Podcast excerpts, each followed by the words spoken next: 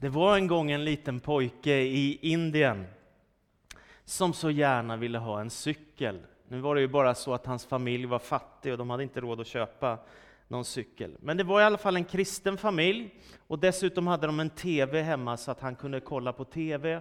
Och på TVn, just där de, det abonnemang de hade, så fanns det också massa kristna program och gudstjänster och så. Så en dag så ser den lilla pojken på en högkyrklig gudstjänst med välklädda präster som firar gudstjänst på, med ett väldigt vackert och högtidligt språk. Så på kvällen hör mamman hur pojken går in på sitt rum, böjer sina knän vid sängen och säger typ så här. Högt ärade Jesus Kristus, din är äran och makten i evigheters evighet och denna vackra dag ber jag dig högtidligen om en cykel. Ungefär så. Och så går han och lägger sig, somnar och så vaknar han dagen efter och det står ju tyvärr ingen cykel utanför huset, så han blir väldigt besviken. Men han tittar på TV igen när han kommer hem ifrån skolan. Och den här gången lyckas han komma in på en kanal med en tydligt framgångsteologisk församling. Ni vet, som står på högljutt och bekänner och sådär. Så när kvällen kom, då var det dags att be igen. Och då hör mamman hur den lille pojken säger vid sängen. Jag bara bekänner att jag har en cykel och den kommer stå utanför mitt hus imorgon. Ungefär så. Så vaknar han nästa morgon och det står ingen cykel där. Och så dagen efter när han kommer hem ifrån skolan så ser hans mamma att han har en liten staty av Jungfru Maria, alltså av Jesu mamma, har han en staty nu. Och tänker, vad i hela världen är det nu då? Och så ser hon att han går in på sitt rum och sen så helt plötsligt när han, är, han har bytt om lite så springer han ut ur huset och rakt in i skogen. Och sen kommer han tillbaka utan statyn. Jag tänker, vad är det nu då? Och sen så på kvällen när det är dags för honom att be, så säger den lille pojken vid sängen. Jesus, om du någonsin igen vill se din mamma, så då är det bäst du ger mig en cykel. ja. Man kan be på olika sätt, det är ju helt uppenbart. Jag tycker den var väldigt skön, det är härligt med barn, eller hur? Idag ska jag predika om andliga gåvor, och det ligger mig väldigt, väldigt nära. Och det beror på, tror jag, att jag blev rätt så liksom rejält intryckt i kristen tro från början med detta med kraft och med andliga gåvor och profetiska hälsningar, alltså ett ord ifrån Gud, eller, eller förbön för sjuka, eller tungotal. Det hände mig ganska mycket sådana där saker precis i slutet på mina tonår, och det berörde mig väldigt, väldigt djupt. Kristen tro gick liksom rakt in i mitt hjärta med full kraft, kan man väl säga. Därför så, i slutet på mina tonår, så upplevde jag, jag fick kraft i mitt liv, jag fick hopp för evigheten, jag upplevde Guds närvaro så att tårar rullade ner för mina kinder. Jag fick profetiska budskap ifrån pastorer och förkunnare som reste runt och predikade och hade hälsningar till mig. Den kanske mest dramatiska, jag tror kanske jag berättat det någon gång också, det var Roger Larsson. Och Roger Larsson han är riksevangelist och har jobbat i Frälsningsarmén i Sverige. Och så har han också en väldigt stark gåva att profetera över människor, alltså att få lyssna till Guds röst och få ge en hälsning ifrån Herren. Och jag var på gudstjänst, 18 år gammal, och så var jag i någon kyrka i Stockholm, kommer inte ihåg vad den heter. I alla fall, så mitt i predikan så stannar han upp och så säger han Du! Jag har en hälsning till dig. Och så, så bara pekar han på mig. Ni vet, jag var ju 18 år och hyggligt ny i tron. Jag hade väl alltid trott på Gud på något sätt, men, men, men att ta Gud på allvar var ganska nytt för mig. Helt plötsligt så pekar han på mig och så ber han mig komma fram på estraden och sen så, jag var lite smalare än vad jag är nu då, och så tog han tag i mig så här med sin högra hand och så arm, och så lyfte han upp mig så. Och så gick han runt med mig på estraden. Och sen så profeterade han och sa, så säger Herren, Och så hade han ord in i mitt liv, en 18-årig kille som hade spelat rockmusik och inte riktigt visste vad han skulle göra med sitt liv. Så var det för mig. Och det märkte mig väldigt djupt, jag tror det är någon slags kroppsminne, visst finns det något sånt ord som det heter så? Va? Kroppsminne. En kort tid senare hörde jag undervisning om andedop och tungotal.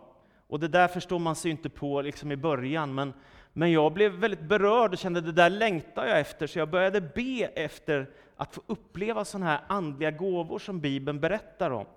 Och jag tror att det tog ett halvår ungefär, sen fick jag bönesvar och så fick jag tungotalets gåva. Och det var en fantastisk erfarenhet, dels för att det var känslomässigt starkt för mig, och något slags bevis för Guds existens. Men det var också detta att jag kände att jag kom närmare in i min gudsrelation och fick växa i min tro. Och det var fantastiskt. Man kan nog säga att Jesus fångade mitt hjärta totalt. Och kristendom för mig blev någon slags livs, alltså det här vill jag bara ge mitt liv för. Han som uppehåller hela världen, han verkar i våra vanliga liv. Jag tycker det är fantastiskt. Och han kan ge oss andliga gåvor. Paulus skriver, du kan ta nästa bild nu. I första Korinthierbrevets tolfte kapitel så radar han upp ett antal andliga gåvor och vi ska läsa om dem nu från vers 1 i kapitel 12 i första Korinthierbrevet 12. Då skriver han, i fråga om de andliga gåvorna bröder vill jag också att ni ska ha kunskap. Ni vet att när ni var hedningar drogs ni viljelöst med, bort till de stumma avgudarna. Därför vill jag att ni ska förstå att ingen som är fylld av Guds ande säger förbannelse över Jesus, och att ingen kan säga Jesus är Herre, om man inte är fylld av den heliga Anden. Nådegåvorna är olika, men Anden densamma. Tjänsterna är olika, men Herren densamma. Verksamheterna är olika, men Gud är densamme, han som verkar i allt och överallt. Hos var och en framträder Anden så att den blir till nytta. Den ene får genom Anden gåvan att meddela vishet, och den andra kan med samma Andes hjälp meddela kunskap.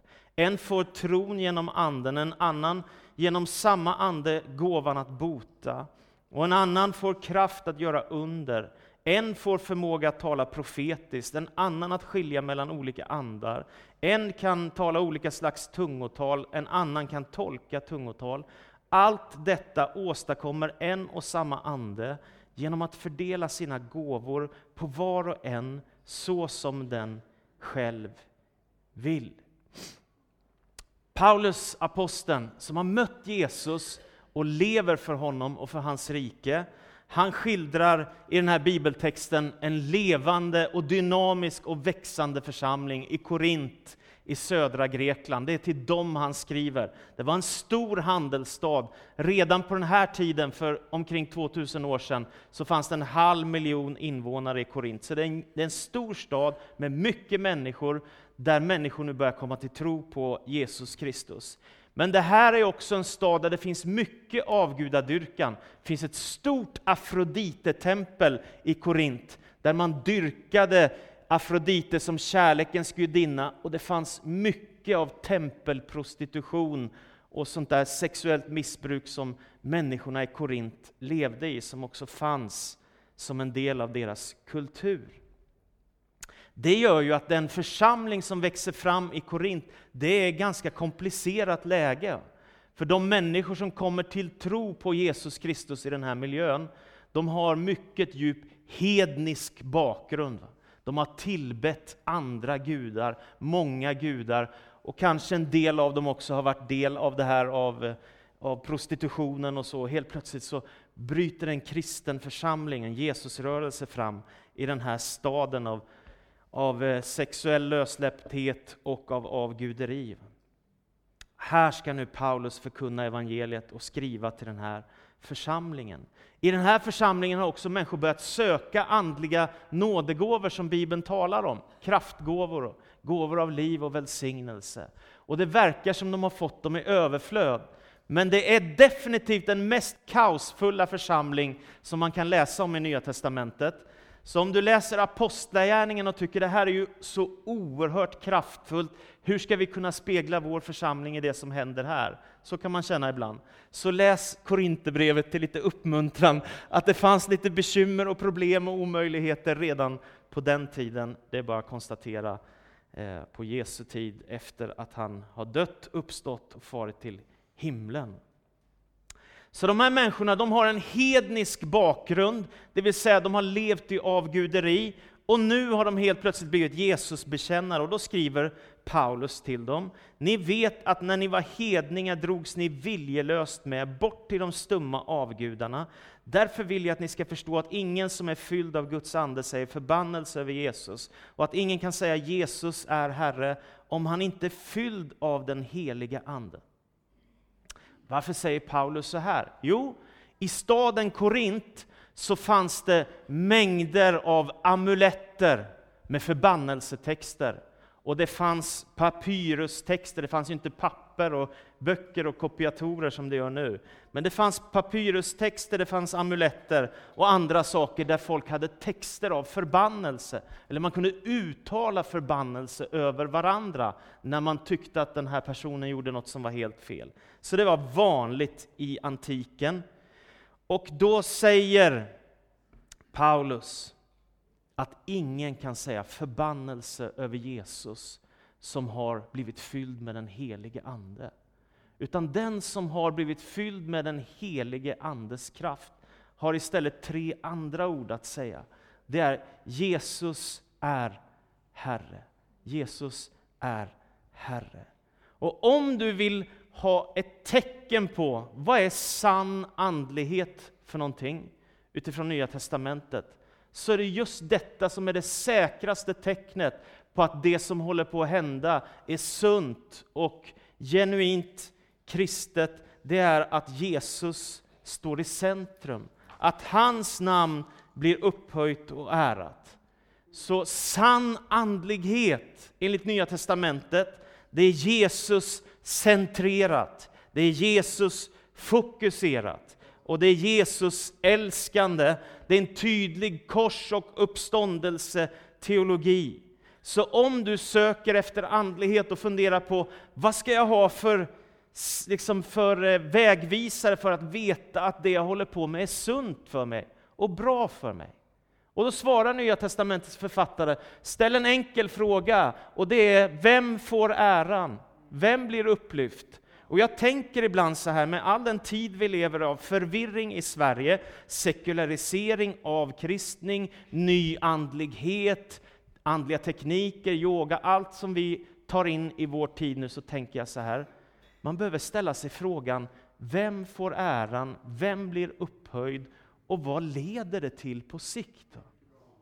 Och då tänker jag så här att, att huvudproblemet med andlighet som inte har Jesus, det är att det finns ingen frälsning. Är ni med? Det är det som är det stora problemet.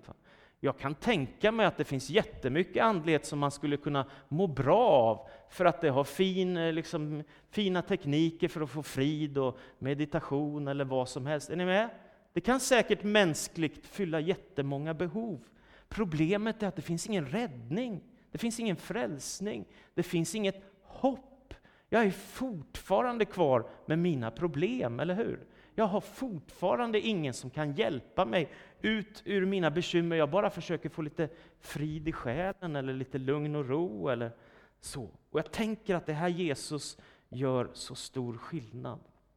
Så om du söker efter andlighet, fundera på vad är Jesus i det jag håller på med, så kommer det hjälpa dig.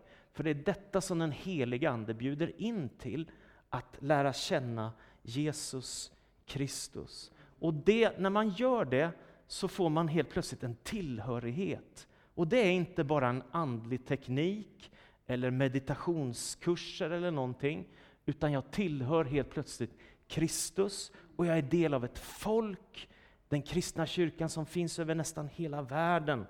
Och så är jag del av en bekännelse att Jesus Kristus är Herre. Det är fantastiskt. När vi läser evangelierna så kan vi också se, det är en sån fantastiskt hoppfull berättelse. Jesus botar sjuka, han driver ut onda andar när människor har utsatt sig för okultism och ondska.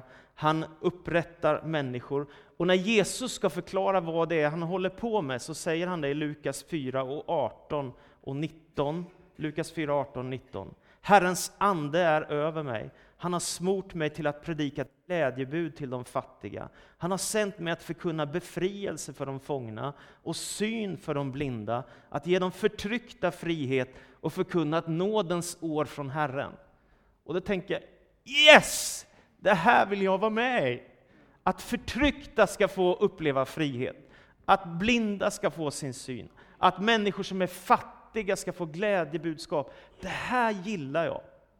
Alltså, så det är också detta att om man tänker på andlighet, vad är det för rötter, vad är det för ursprung, vad är det för programförklaring den du ägnar dig åt? Vad leder det till? Och jag tänker att om man går till Jesus så är det kärleksbudskapet, upprättelse, frälsning, nåd, godhet, omvändelse, hopp. Det är fantastiskt. Så Jesus han är vårt sto vår stora förebild i hur vi ska möta människor och hur vi möter vår omgivning. Jesus är den mest kärleksfulla människa som någonsin har levt. Det är min övertygelse. Och så ska också kyrkan vara. Den ska återspegla Jesus. Det vi håller på med ska vara likt det som Jesus gör. Och varje gång som jag eller någon annan misslyckas med det, så blir ju inte kyrkan en återspegling av Jesus, utan bara en återspegling av våra misslyckanden. Och då behöver vi igen omvända oss och tillbaka till Jesus och det han vill. Och så när Paulus ska säga vad är då kyrkan för någonting, då säger han den är Kristi kropp på jorden. Jag kan inte tänka mig någon finare bild. Vad är det för gemenskap jag har blivit en del av? Jo, det är Jesu Kristi kropp på jorden. Och det betyder att vi tillsammans som församling ska vara lika Jesus och återspegla Jesus. Och då säger Paulus, Kristus är huvudet och vi är kroppen. Och det betyder att vi hör ihop. Alla som tror på Kristus, alla som tar emot Jesus, hör samman och är en, billigt talat, en kropp åt Kristus i världen och han är själv vårt stora föredöme. Han vill också utrusta oss med andliga gåvor. Och när Paulus ska presentera hur den här kraftfulla andligheten som han beskriver, som har med Jesus att göra, och den helige Ande, då kommer han in på treenigheten. Det här är fascinerande. Det är ett totalt mysterium. Vi tror på en enda Gud, vi tror absolut inte på flera gudar. Vi tror bara på en enda Gud som har skapat himmel och jord. Men i Gud så finns det en verklighet som är ett mysterium. Gud är så oändligt mycket större än vad våra begränsade hjärnor kan greppa. Så i Gud finns både Fadern och Sonen och den helige Ande. Och därför när man läser dopbefallningen till exempel så står det Gå ut i hela världen och gör människor till lärjungar. Döp dem i Faderns och Sonens och den helige Andes namn, singularis. Är ni med? Alltså det är Faderns namn, Sonens namn och ändå är det singular. Alltså det, denna ende Gud, i honom finns Fadern, Sonen och Anden. Och titta hur det står. Nådegåvorna är olika, men Anden är densamma.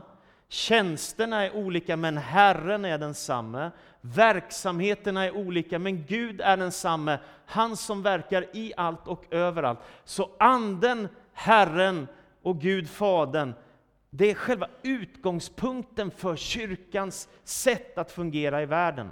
Och sen kommer det, när vi får vara igång, och vi söker ivrigt det Gud vill, nådegåvor, tjänster, kraftgärningar och verksamheter. Det händer saker kring Jesusfolket när man tar honom på allvar.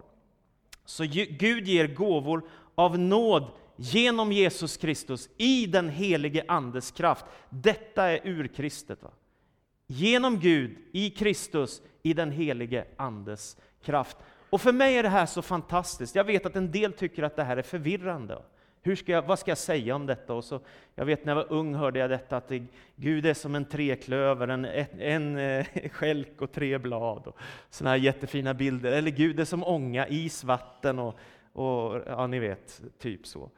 Eh, Ja, men här tänker jag det finns en större verklighet som gör mig så tacksam. Tänk om vårt enda hopp var Gud, om du finns i himlen så vill jag be till dig, om du kanske är bortom molnen någonstans, så hoppas jag att. Tänk om det var mitt enda i min bön. Nu kan jag få läsa i Nya Testamentet att den Gud som har skapat universum har sänt sin son till världen. Och jag har gått på samma gator som honom i Jerusalem. Är ni med? Det är makalöst för mig. Och när sonen tas upp till himlen så ger han löftet om anden som ska komma istället och rusta oss med kraft och göra oss till ett tempel åt Gud så den helige Ande bor i oss. Makalöst! Va? Istället för bara någon allmän religiositet. Jag hoppas att du finns och hoppas att jag får komma till paradiset någon gång. eller så. Sen skriver Paulus också, det här är väldigt hoppfullt också, för jag tänker ibland att när vi talar om andliga nådegåvor, då tänker många att ja, men det gäller inte mig, för jag är ingen superkristen, om du tar nästa bild. Så skriver Paulus i Första Korinthierbrevet 12 eh, och 7, hos var och en framträder Anden. Det gillar jag jättemycket. Det betyder att Paulus räknar med att alla kristna kommer ha den heliga Ande på ett eller annat sätt verksam i sitt liv, om man bara vill leva nära Gud. Alltså på något sätt kommer Anden verka i dig och i mig. Hos var och en framträder Anden. Inte hos de andliga experterna eller supermissionärerna som blir martyrer någonstans långt bort på missionsfält, utan detta är för alla. Alla kristna kan få del av detta. De andliga nådegåvorna som beskrivs i Nya Testamentet, själva grundordet på grekiska är karisma eller charisma. Eh, och det betyder en gåva utav nåd. Och det tycker jag är så fantastiskt. Det betyder att om du söker efter andliga gåvor i ditt liv, så är det inte så att Gud kommer att sätta en medalj på dina axlar för att du är den mest superkristna som finns. Utan du som känner jag är en usel människa, men jag behöver Jesus, jag behöver hans frälsning och hans hopp. Och jag behöver hans gåvor. Han kan svara dig och använda dig med andliga nådegåvor. Och det är fantastiskt. Och det jag gillar så mycket med Jesus, det är att han ägnar sig åt hela människan. Han botar sjuka, det vill säga han bryr sig om människans fysiska. Han möter sargade, utslagna människor med kärlek. Han bryr sig om människors själsliv. Och han säger att det finns frälsning i hans namn. Han bryr sig om människors andliga liv. Det tycker jag är så fantastiskt. Fredrik Lignell, som är en pastorskollega till mig i Evangeliska Frikyrkan, Ryttargårdskyrkan i, i Linköping, han har skrivit en bok, för han har gått igenom en väldigt tuff tid i sin familj som heter Bottenkänning. Han skriver Gud är i botten. Han har kämpat så med sin fru och med sin dotter som inte har mått bra. Och då skriver han så här. Detta att Gud blev människa när Jesus föddes är en av Bibelns mest centrala sanningar. Varför är det viktigt? Om Gud endast är intresserad av vårt andliga liv, av det som är osynligt, vad säger det i så fall om honom? Och vad säger det om oss? Vem ska hjälpa oss med våra liv om Gud på djupet inte bryr sig nämnvärt om våra jobb eller våra relationer? Tycker det är jättebra. Alltså det är förtydligande att den tro vi har inte bara handlar om vår andliga människa eller vår inre människa. Gud bryr sig om oss som hela individer. Och det ger mig så mycket hopp mitt i all kamp som vi har. Och då vill Gud uppenbarligen genom sin heliga Ande utrusta sin församling med andliga nådegåvor och med andliga gåvor.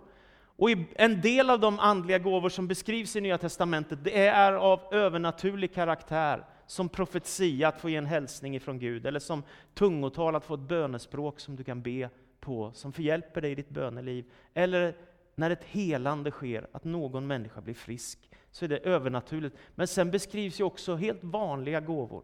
Gåvan att vara barmhärtig, gåvan att med glatt hjärta ge åt andra som är i nöd, eller att vara nitisk som ledare, det är också gåvor. Och allt detta, både våra naturliga förmågor och de övernaturliga gåvorna som vi kan söka efter, är andliga gåvor när vi ställer dem i Guds tjänst och bekänner Jesus som Herre. Men de här gåvorna ges till en gemenskap. Och det vill jag bara stryka under. I kristen tro finns det inget som heter privatreligiositet. Att jag har Jesus för mig själv där hemma. Det är, tycker jag, det största misstag man kan tänka. Att kristen tro är för mig och jag håller mig för mig själv. Nej, men du får massa systrar och bröder. Och du kanske tycker, men de är besvärliga. Ja, men de flesta är alldeles underbara, har du inte märkt det? De flesta är alldeles underbara, och ibland får man säga förlåt till varandra när det blir fel och så. Det går att reda upp jättemycket. Men man får systrar och bröder. Och det jag tycker är fantastiskt, jag säger det varje gång jag har dopsamtal med Rashid som kommer från Afghanistan, så säger jag varje gång när vi har samtal med människor från andra länder, det här är min bror. Vi har inte samma mamma och samma pappa, men vi är bröder. Är du med? Och det är till den gemenskapen som Gud ger sina andliga gåvor. Så kristen tro är inget solorace, det är inte privatreligiositet, det är att vara del av en gemenskap som är makalösa. När man älskar varandra, och när man älskar Gud, och när man försöker bry sig om varandra, och när man också kan säga förlåt om det blir fel. Då är det fantastiskt. Privat andlighet är inget alternativ, det är ett misstag. Kristen tro är gemenskap i sin sannaste uttrycksform. Så vad är det då för gåvor som Paulus räknar upp? Första gåvan han säger det är kunskapens gåva, eller förlåt, vishetens gåva. Vishet, då resonerar Paulus i första Korinthierbrevet om världens vishet, att den trots alla visa och kloka människor inte lär känna Gud så är det något fel med den visheten. Och så säger han som att Gud, Guds dårskap är starkare än världens vishet. Och den vishet vi söker efter har med Gud att göra. Och det är något stort att få be om vishet, det skriver Jakob om i sitt brev. Om du brister i vishet, så be Gud om att få vishet, så du kan fatta kloka beslut och göra det som är allra bäst. Man kan också få för andra kunskapens gåva. Och jag tänker mig att den är tvåfaldig. Jag kan tänka att det är att Gud kan ge övernaturlig kunskap om människor som är i speciella situationer, att man ska be för någon eller så. Det tror jag, det är en vanlig utläggning. Men jag tror också att all den kunskap som finns i hela Bibeln, det finns människor som älskar det och som på ett särskilt sätt så, så kan bli till välsignelse för att liksom lyfta fram det för andra människor. Kunskapens gåva. Och det kan också naturligtvis få vara att ge hälsningar ifrån Herren. Sen kommer trons gåva. Trons gåva. Och Jesus säger ju att genom tro kan man förflytta berg. Och då kanske någon av er tänker det var en märklig... Nu tror jag inte det här ska tolkas bokstavligt. För jag tänker mig inte att Jesus liksom idag fixar vi till Galileen. Flytt. vi byter berg där, Sinai åker dit. Nej, men är ni med? Jag tror inte att det är det det handlar om. Utan det är när man ställs inför omöjliga svårigheter, som om ett berg är framför, sig, framför en, så kan Gud också förflytta berg. Han gör det ibland när vi ber. Och för allt man ska göra, har du märkt det? Så fort man ska ta ett steg framåt så tar man ju risker. Det handlar om tro. Kan vi renovera kyrkan?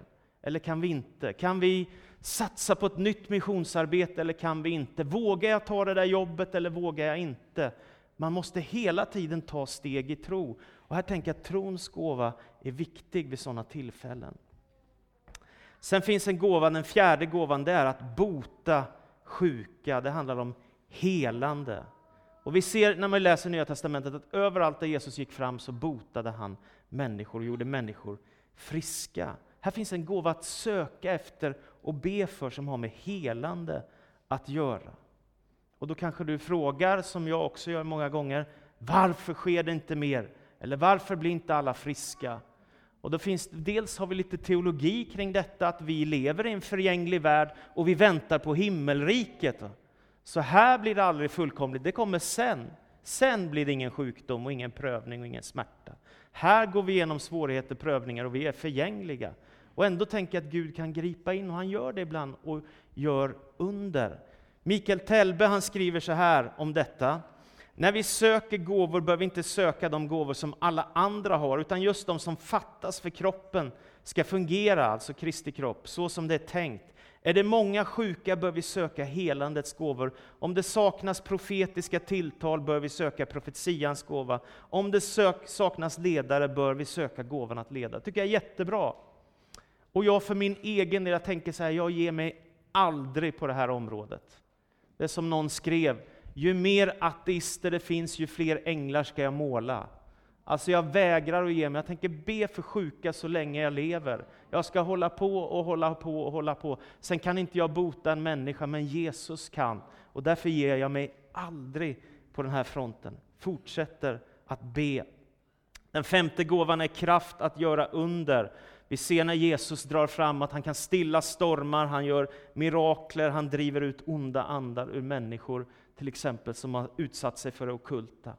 En av de mest fascinerande upplevelser jag varit med om, det var när jag bodde i Jönköping och så kom en kille som hade ett fruktansvärt missbruk bakom sig. Han hade levt med droger och med alkohol och han hade dessutom ägnat sig åt mycket okulta saker. Så han hade börjat höra röster. Och vi var flera församlingsledare som träffades tillsammans med honom och sa vi, vi ska be om befrielse för den här människan. Gud älskar ju honom. Det är ett av de mest sån dramatiska bönesvar jag har fått så där snabbt.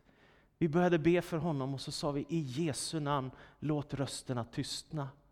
Och vet ni vad han sa? Va? Vad hände? Det blev tyst. det är häftigt. Så han som hade börjat höra röster, det tystnade. Gud hjälpte honom i den situation som han var i. Märkligt. Va? Ja, det är fantastiskt att få vara med om det. Andlig urskiljning talas det också om. Gåvan att skilja mellan andar. Det är viktigt. Jag minns ett av de mest viktiga ögonblick i mitt liv. Det var när jag insåg att här finns en som predikar, som predikar villolärare, allvarliga villolärare. Och jag är en ganska snäll person, men då tände det till. För han, han, han undervisade om Jesus på ett helt obibliskt sätt. Så kände jag att han är helt vilse. Jag måste säga att konfrontera honom och se till att det här stoppas.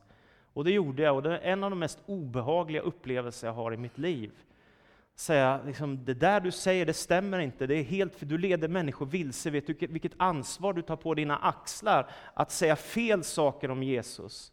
Och jag var ganska så tuff mot honom, och sen så blev det helt tyst, och jag har inte hört något om honom sedan dess. Andlig urskiljning, man måste veta, är det här sant eller inte, är det på riktigt? Den åttonde gåvan, det är gåvan också som har med tungotal att göra. Tungotalets gåva, jag har varit inne på den redan. Och den gåvan är en fantastisk gåva, det har med det jag sagt redan, det är ett bönespråk som Gud kan ge, och helt plötsligt så får du ord i din inre människa, ord till din ande, som du kan få be ut. Och det kan börja väldigt stapplande, man får enkla små ord och helt plötsligt så börjar det komma det ena efter det andra. Det där är fantastiskt.